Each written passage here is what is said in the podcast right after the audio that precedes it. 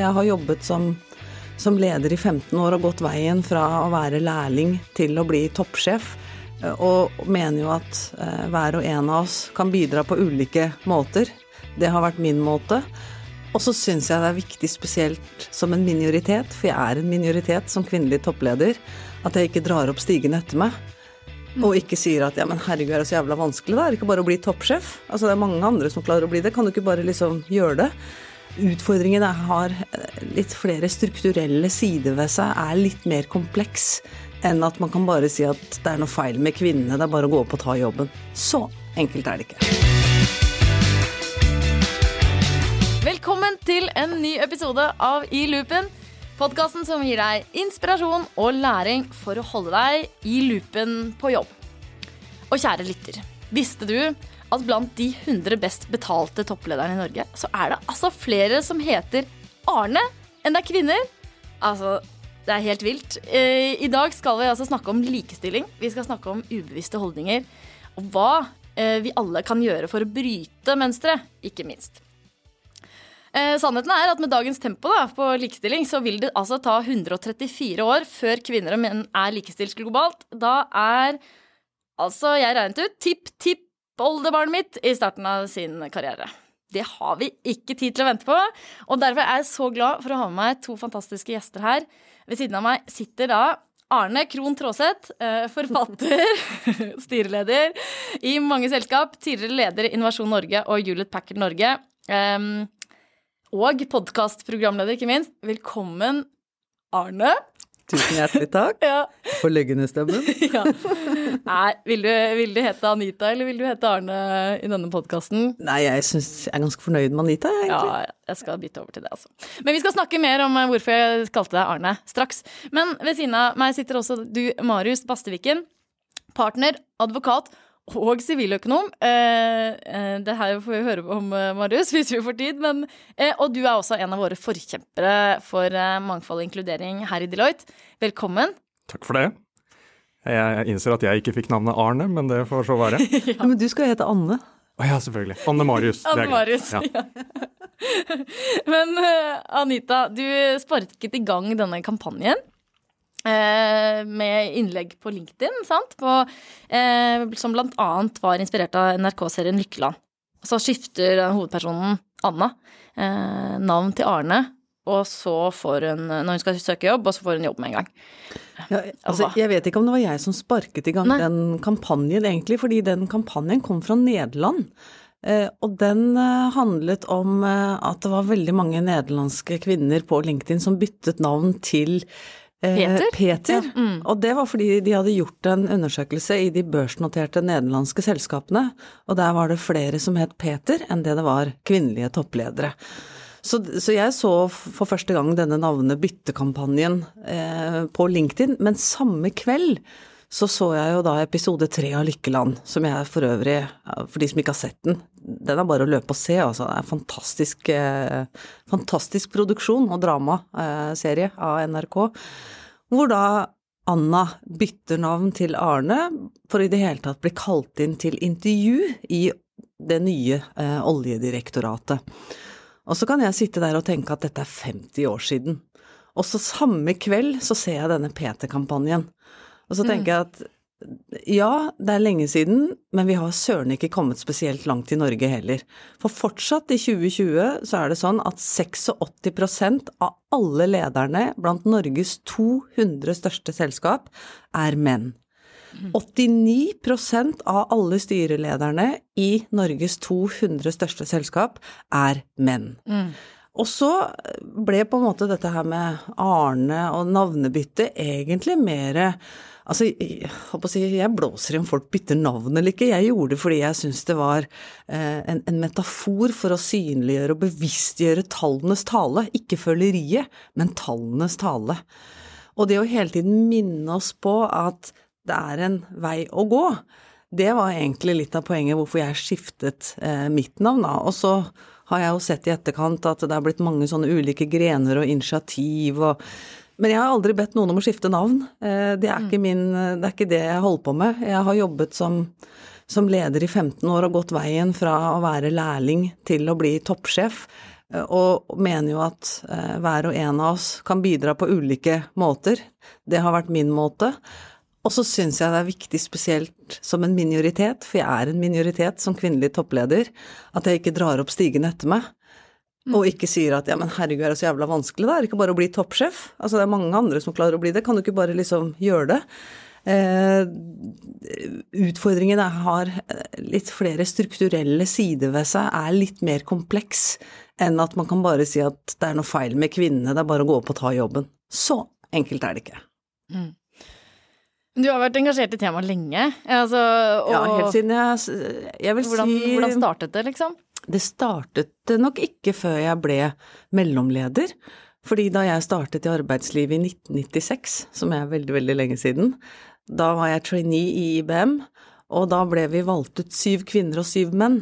Så min inngang til arbeidslivet ble veldig fin, for jeg øh, tenkte da at ja, men her er det veldig bevissthet på mangfold og på kjønn. De vil ha syv kvinner og syv menn. Så IBM begynte tidlig med det.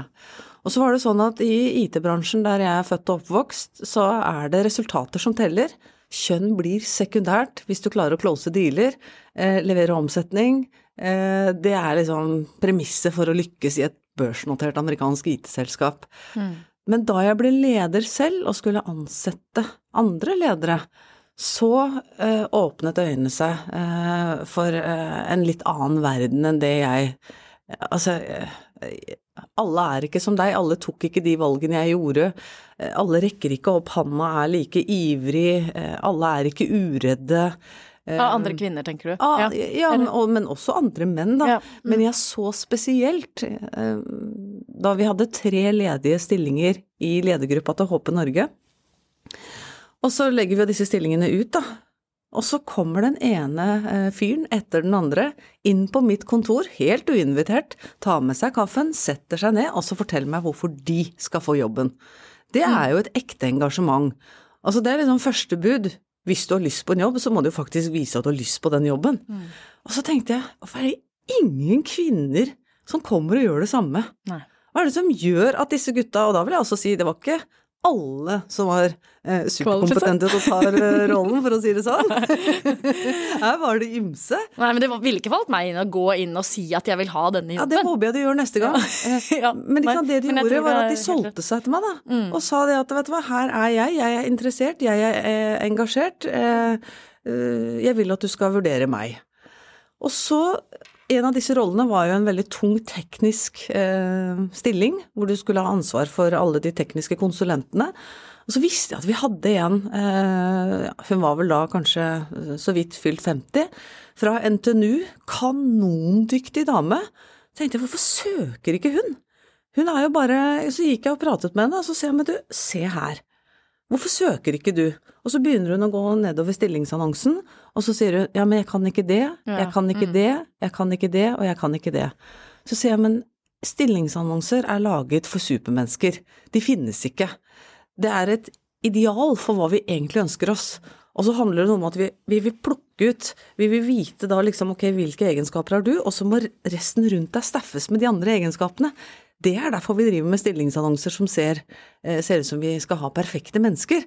Det, du må fortelle hva du kan av dette her. Ingen kan alt. Jeg lover deg, ingen er god på alt. Og så sa jeg til henne, nå søker du. Nå ringer du eh, EMEA-sjefen, og så sier du du melder deg på. Så sier du 'denne jobben har jeg lyst på', så legger du på, og så blir du jævlig flau, og så kommer du til meg og griner etterpå hvis det er det. Spiller ingen rolle, du må melde deg på. Hun meldte seg på, fikk jobben, leverte kanonresultater. Så kult. Men da tenkte jeg også, var det riktig av meg å dulte henne inn i det? Fordi jeg gjorde jo ikke det med noen av gutta. Jeg gjorde jo det eh, med henne også fordi jeg ville ha et mangfold. Og så kan jeg også tenke, hvor godt skodd er du til å ta en lederjobb hvis du ikke engang tør å søke på den? Ikke sant? det er noen nei, paradokser det er sant, her. Det er sant. Det kan man si, men du, men du la jo kompetansen til grunn. Altså Du fremmet jo Ja, ikke noen som ikke du trodde kunne gjøre jobben, i hvert fall på det faglige nivået. På er jo ingen måte, og det tror jeg Vet du hva, det at du sier det er så viktig, fordi det tror jeg er den største misforståelsen noensinne når noen sier ja, men jeg vil bli valgt fordi jeg er best, eller ja, men vi kan jo ikke velge en kvinne fordi hun er kvinne. Jeg har aldri møtt eiere eller styrer som har valgt ledere av kjønn først, og ikke av hvor gode de er. Det Nei, og, det, og, det, er jo en iboende problem hvis man legger det frem sånn, for da, da er det jo nesten en hersketeknikk allerede der. For da sier man jo indirekte at mennene er best. Hvis, hvis, det er det man skal ta. Ja. Så det er kompetansen som kommer først. Og vi ser jo i hvert fall eh, hos oss i Deloitte, vi ser jo på de som kommer inn nyutdannede, vi ligger ca. 50-50. Det har vi gjort i mange år. Eh, og vi har en vei å gå når det gjelder hele pyramiden vår, som store deler av næringslivet.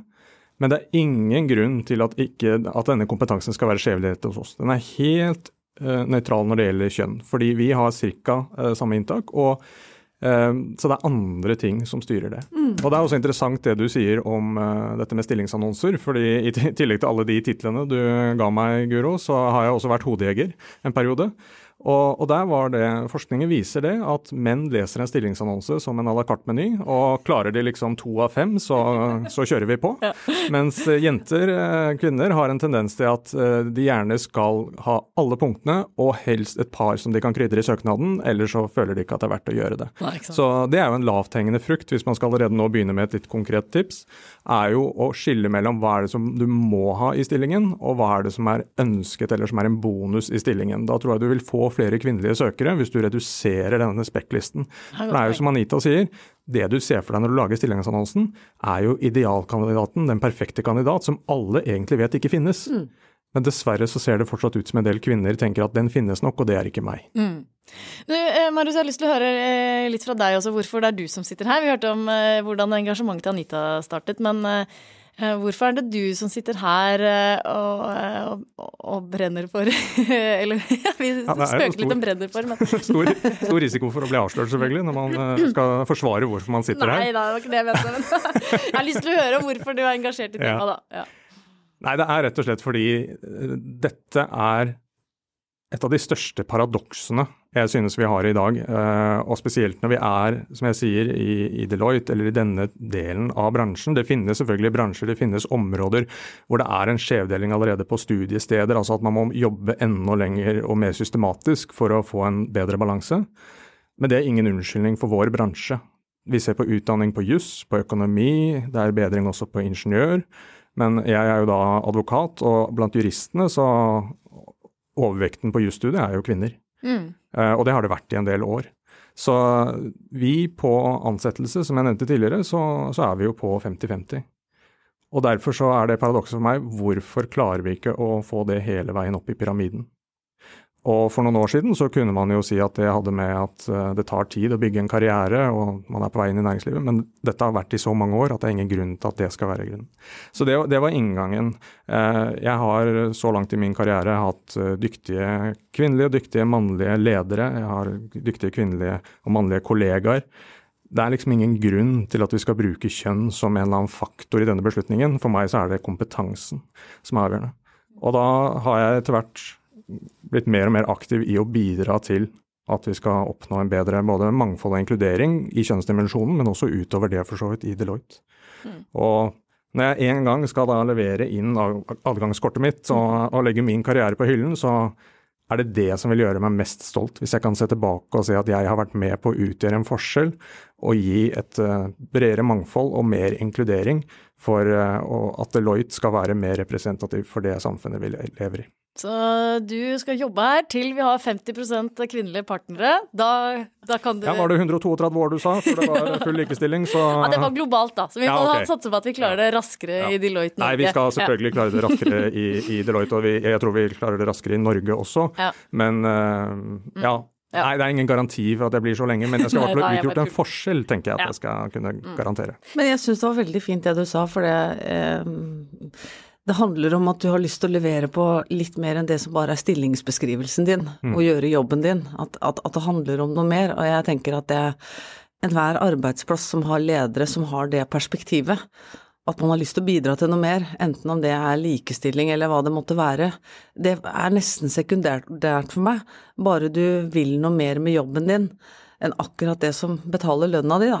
Mm. Jeg tror det er sunt. Mm. Og det å ha det mangfoldet der av perspektiv, sånn som du, det er sikkert ikke din jobb å være podkaster, er det det? Nei da, jeg jobber med bærekraft. Ja. Bærekraft og klima er liksom min sånn derre drivkraft da, som jeg jobber med kunder på. Mm.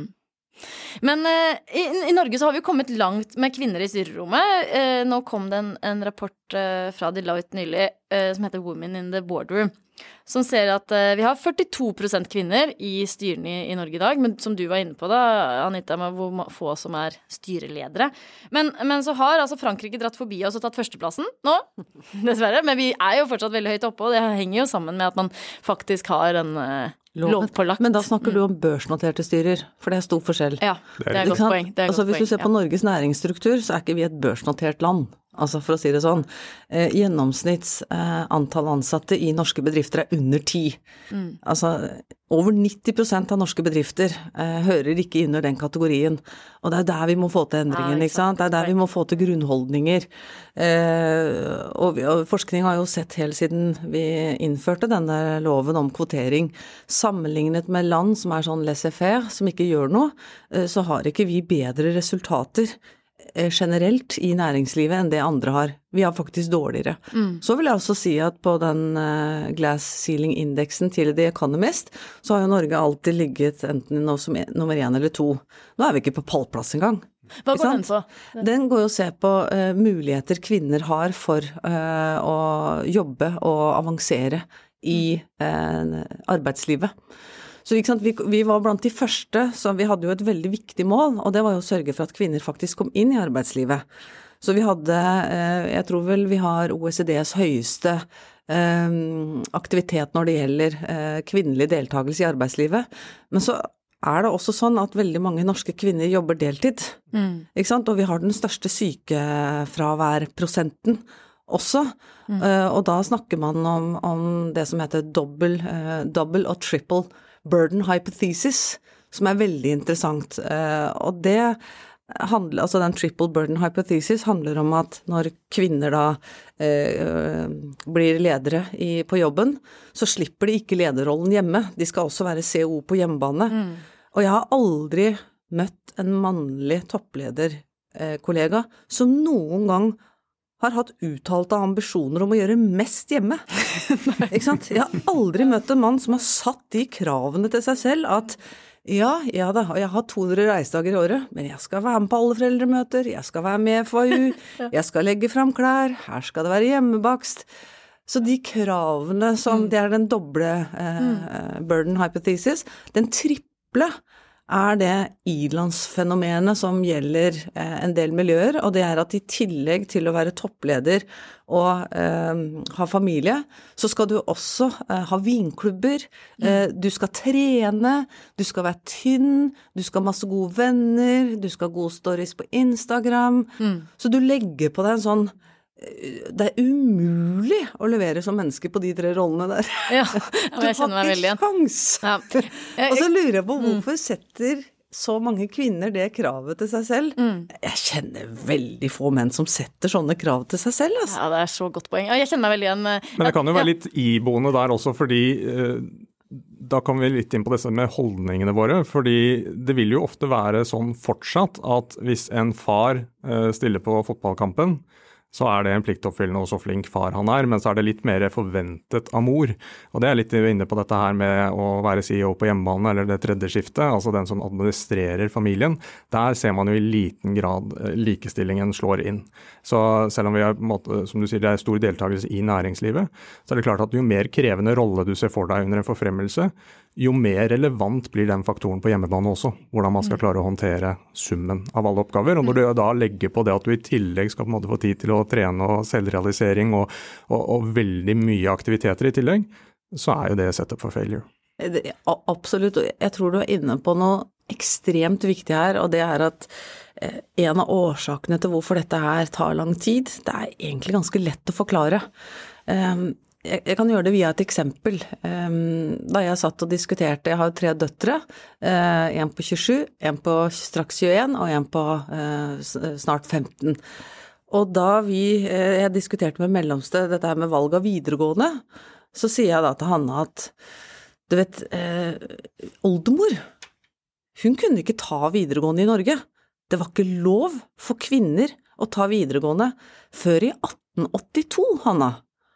Hun, var helt sånn satt ut. Hva mener du, ikke lov for kvinner å ta videregående? For de er det helt urealistisk. Helt, de klarer ikke å forholde seg til at det har vært en realitet. Men det er klart at selv om loven sa at dette var mulig i 1882, så tror jeg det var tidlig på 1900-tallet bare 20 kvinner eller noe sånt i Norge som tok artium. Menn har gått på universitetet siden 1100-tallet. men har vært en del av et fellesskap. De forstår maktkamper på en helt annen måte fordi de har vært i krig, fordi de har vært i militæret.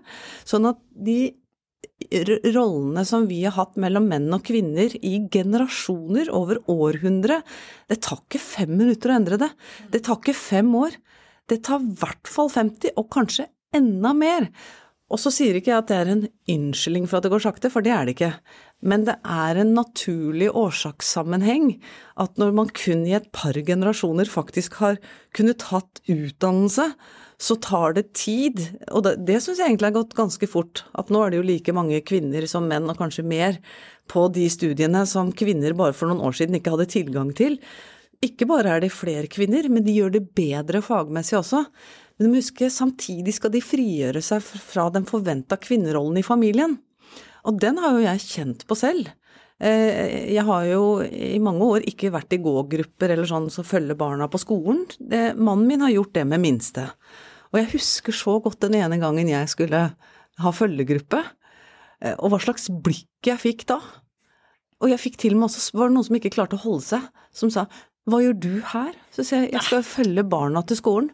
Ja, du skal det, ja? Altså det var rett og slett sånn så eh, sosial mm. kontroll, litt sånn ja, men du Tårnfrid, skal ikke du egentlig være et helt annet sted? Er du interessert i å følge opp barna dine? Så, så den derre disse tingene her, og dette her er ikke mange år siden. Nei. Eh, og jeg, jeg, jeg, tror at eh, vi gjør neste generasjon kvinner en bjørnetjeneste hvis jeg skal bare stå der og si at dette er ikke noe problem, det er bare å rekke opp handa, dette er, det er ingen problemstillinger knytta til roller, du kommer ikke til å få dårlig samvittighet, dette er bare greit. Jeg tror ikke vi vinner noe på det. Men i går, Marius, da vi skulle forberede oss og snakke om hva vi skulle snakke om i dag, så, så var du inne på det at nei, at du ikke liker begrepet liksom å løfte fram eh, kvinner.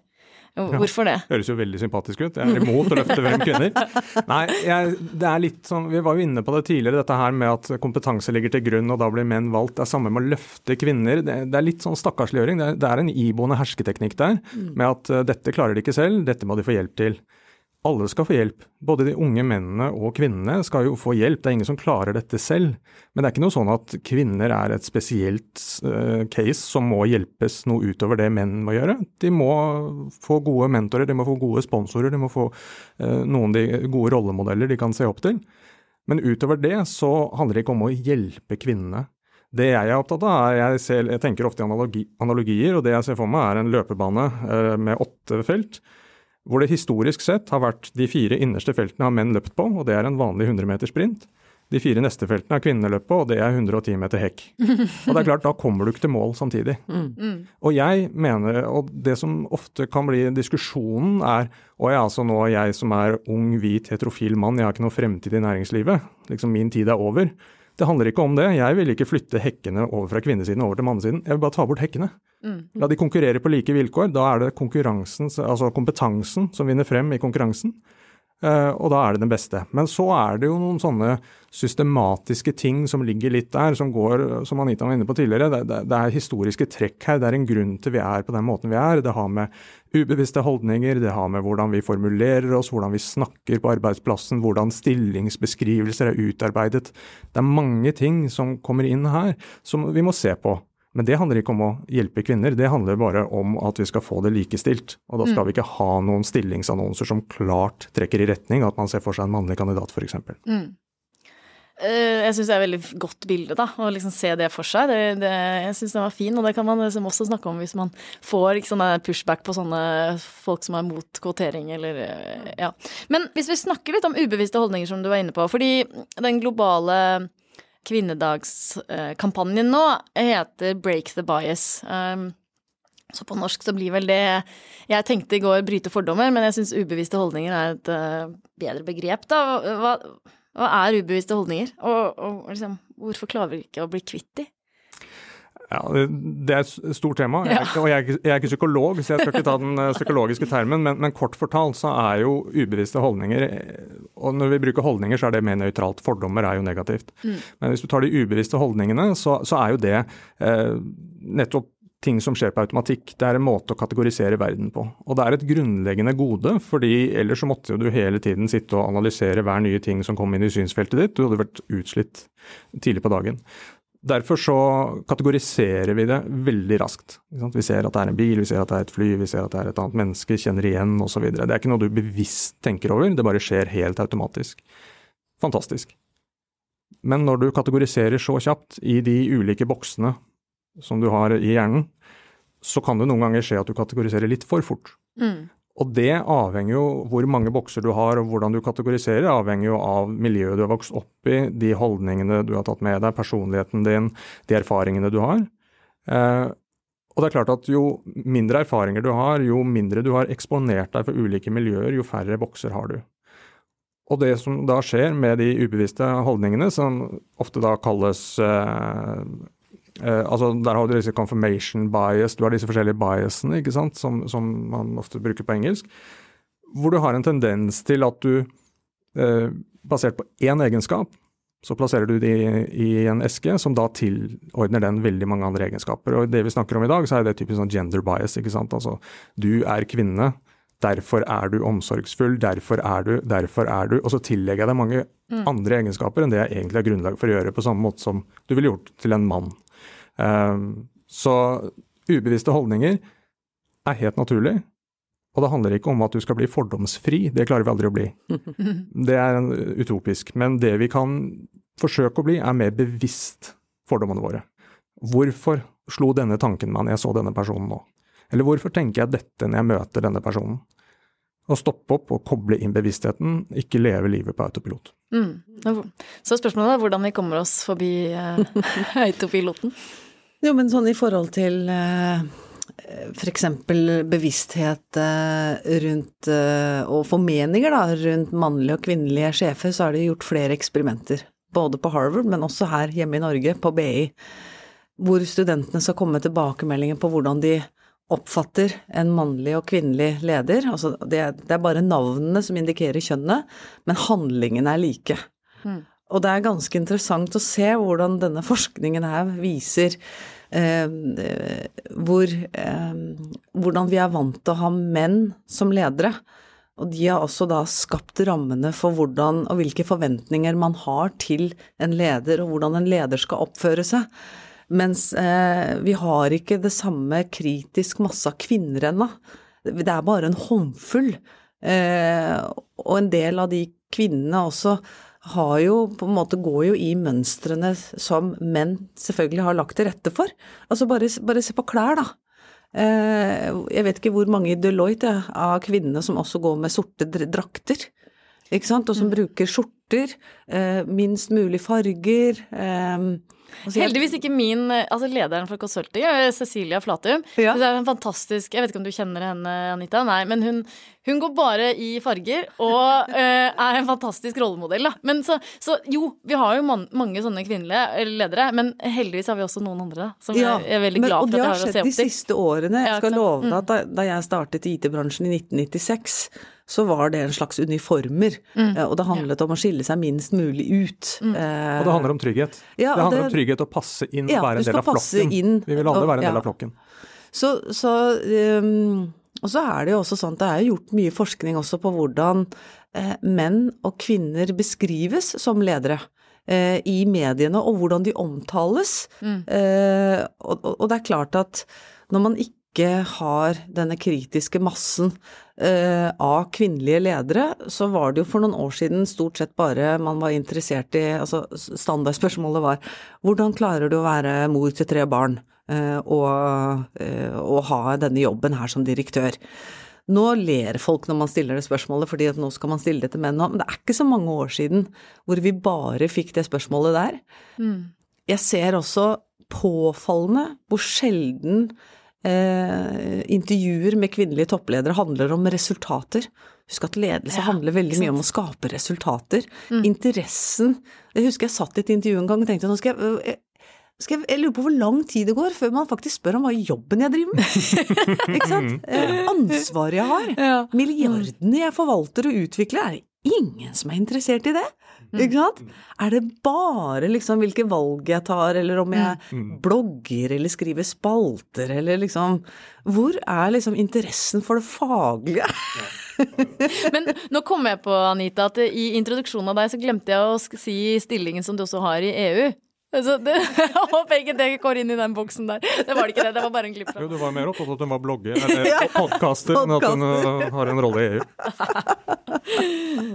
ja, Nei, men eh, Nei. Nei, så, det, så det er kjempeviktig at man Jeg syns jo også at um, Equality Check Uh, har gjort en veldig god jobb i Norge nettopp for å snakke om dette her, det ubevisste, da, og hvilke valg vi tar. Og det, eh, det er veldig viktig, og, som du sier, å være oppmerksom på vi velger, og det samme gjelder jo kvinner, vi, eh, vi, vi gjør jo de samme feilene vi. Det er jo ikke noe sånn at fordi at man nå får kvinnelige toppledere, så skal de være annerledes og gjøre mindre feil enn det menn har gjort. Kommer, kommer ikke til å skje i det hele tatt. Eh, Det er bare at vi har, vi har ikke kritisk masse nok til at de, de, de få som er der, kan vi ikke generalisere ennå. Mm. For vi generaliserer jo urettferdig også eh, en del mannlige ledere, og tenker at fordi at de er rundt 50, har samme dress, så, så er de like i hodet. De er jo ikke det. Det er masse mangfold blant eh, heterofile, holdt jeg på å si, eh, hvite menn i 50-åra. Så vi må ikke la oss lure av, av det, da. Men det som også er, er at samtidig så er det en sånn styrke i, i antallet. For det er klart at hvis det er noen som, en leder som ikke presterer, eh, en mannlig leder, så blir jo det ofte den personen. Det er jo ikke sånn at alle mannlige ledere er udugelige av den grunn. Nettopp. Men når du har en mindre kvinnelig populasjon, og en kvinne ikke leverer, for det er ingen garanti for at de leverer heller, så er det at de kvinnelige lederne leverer ikke. Altså, du, da blir det ofte generalisert. Det er så interessant det du sier her, fordi eh, jeg har aldri hørt en mann snakke på vegne av sitt kjønn. Aldri hørt Trygve Hegnar eller andre si 'ja, vi menn, vi mener at'. Ikke sant? Mens, mens kvinner ofte er sånn 'ja, vi kvinner mener at', eller at nå er det noen kvinner som gjør dette, så da, da tar vi med oss hele kjønnet. Det er jo livsfarlig. Eh, fordi at da, det vi gjør egentlig da, er at vi gjør oss sjøl en bjørnetjeneste ved å snakke på vegne av et helt kjønn. Det er veldig mye mangfold blant kvinner uavhengig av alder, altså. Og det må det få lov til å være. Absolutt. Men det der er jo en, eh, nettopp en sånn minoritetsting, fordi det ser man jo fortsatt i nyhetsbildet. Altså skjer det en eh, At det er en eh, ekstremist, muslim, i utlandet som gjør noe, så tar det ikke vanligvis så lang tid før journalisten finner et norsk muslimsk miljø og vil at de skal ta avstand. Hvor ofte ser du når en hvit person i utlandet gjør noe som kanskje var da i den kristne tro? Den norske kirke må jo ikke ta avstand fra det. Så det blir litt det samme forholdet. Altså at man eh, ser på det som når det blir en liten gruppe, så blir det en populasjon, og så blir alle ansvarlig for alle. Og det er urettferdig både for den gruppen, og det er også urettferdig for det store samfunnet rundt. Der, derfor så syns jeg den har vært så fin, den debatten som har vært starta eh, i eh, Avisa Oslo om norskhet. Hva er norskhet? Når er du norsk nok? Og, og det er så interessant å se neste generasjon da, med flerkulturell bakgrunn, hvordan de frigjør seg fra kanskje foreldrenes mal på ja, men dette må du gjøre for å passe inn i samfunnet, mens de sier at ja, men det handler om samfunnskontrakten. Den er jeg en del av, men, men eh, jeg trenger ikke å ta av meg hodeplagget, eller jeg trenger ikke gjøre dette, eller Altså, de opplever så mye mer fri, og jeg tenker at det er utrolig bra for utviklingen av norsk demokrati og norsk samhold og akseptanse for ulike kulturer og Så jeg, jeg syns vi går i riktig retning, selv om, selv om det er mye å gjøre. Jeg må si det, altså. Vi går absolutt i riktig retning, og, og, men igjen har du denne eh, biasen, denne skjevheten ved de store populasjonene, fordi en av de tingene vi ofte snakker om er liksom nordmenn er født med ski på beina. Jeg er åpen om at jeg er ikke født med ski på beina. Ikke Det heller. I så fall hadde det vært vannski.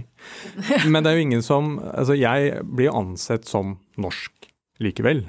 Eh, og det er ikke bare fordi jeg har det norske passet, men jeg passer inn, har liksom generasjoner, har bodd her, er sånn.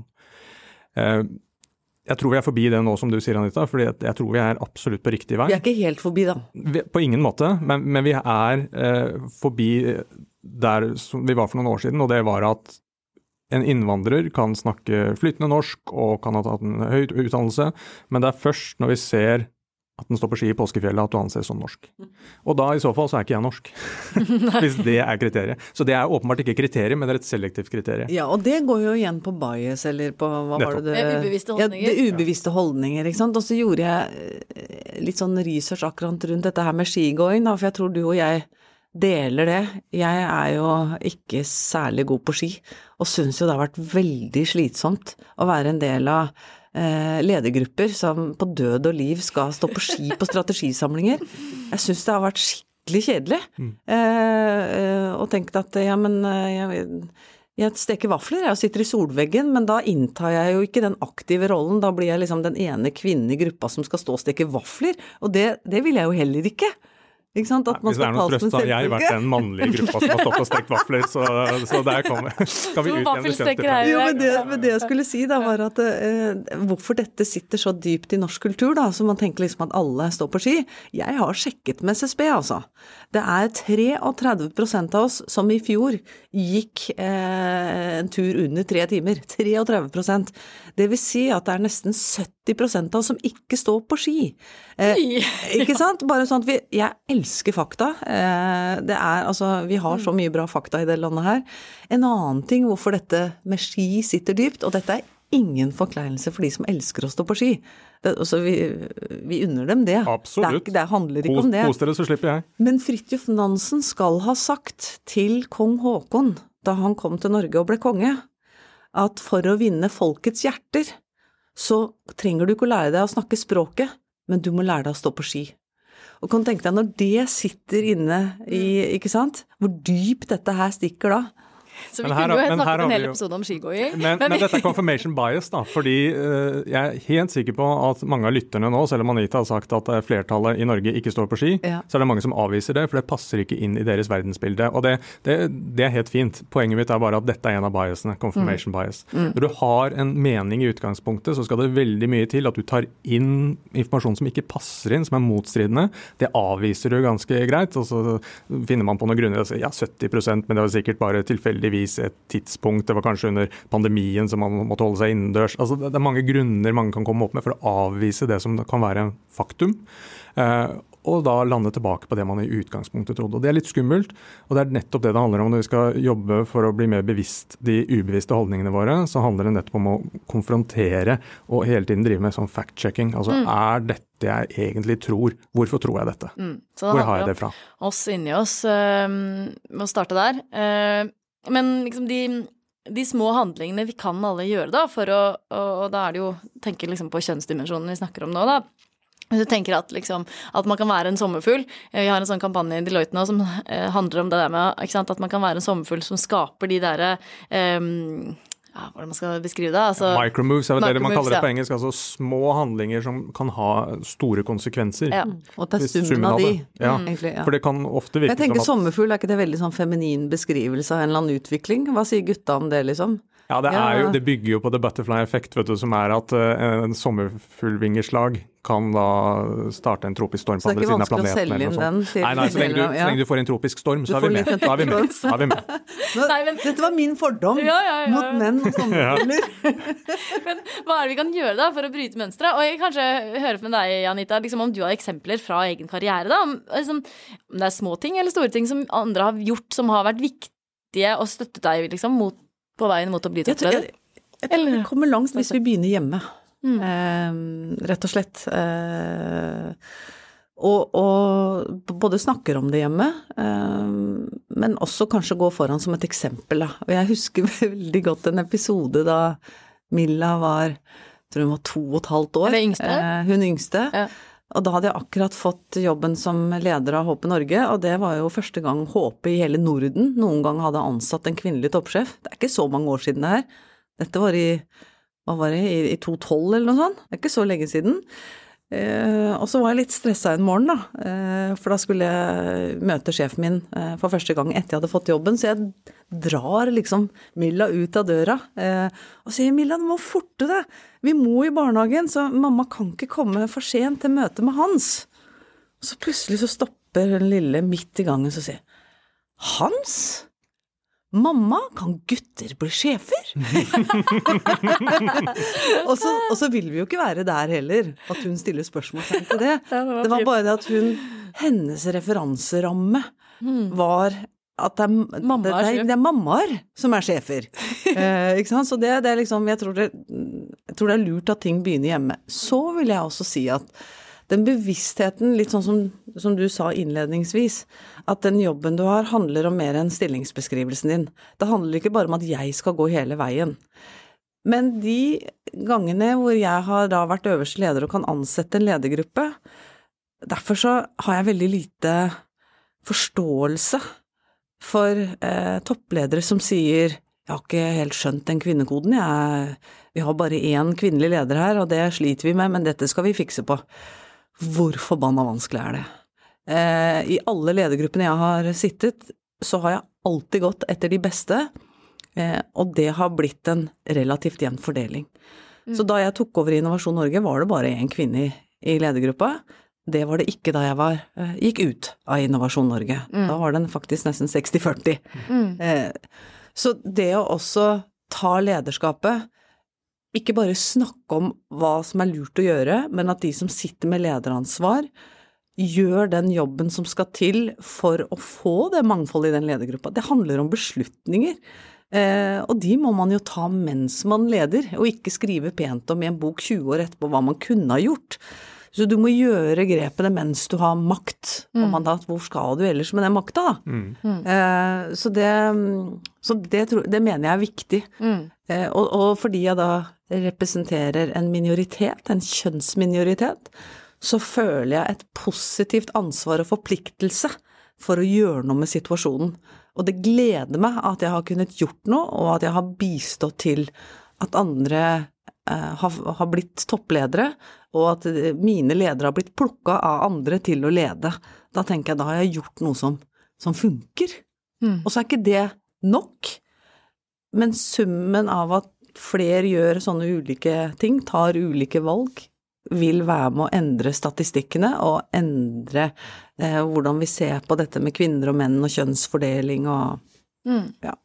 Du Marius, andre ting vi jeg liker veldig godt det jeg hører her, og en av de tingene Vi, vi alle trenger mentorer, men jeg er litt eh, liker veldig godt en dreining vi har tatt i, i, Deloitte for så vidt også, er at vi går mer over til sponsorer enn mentorer.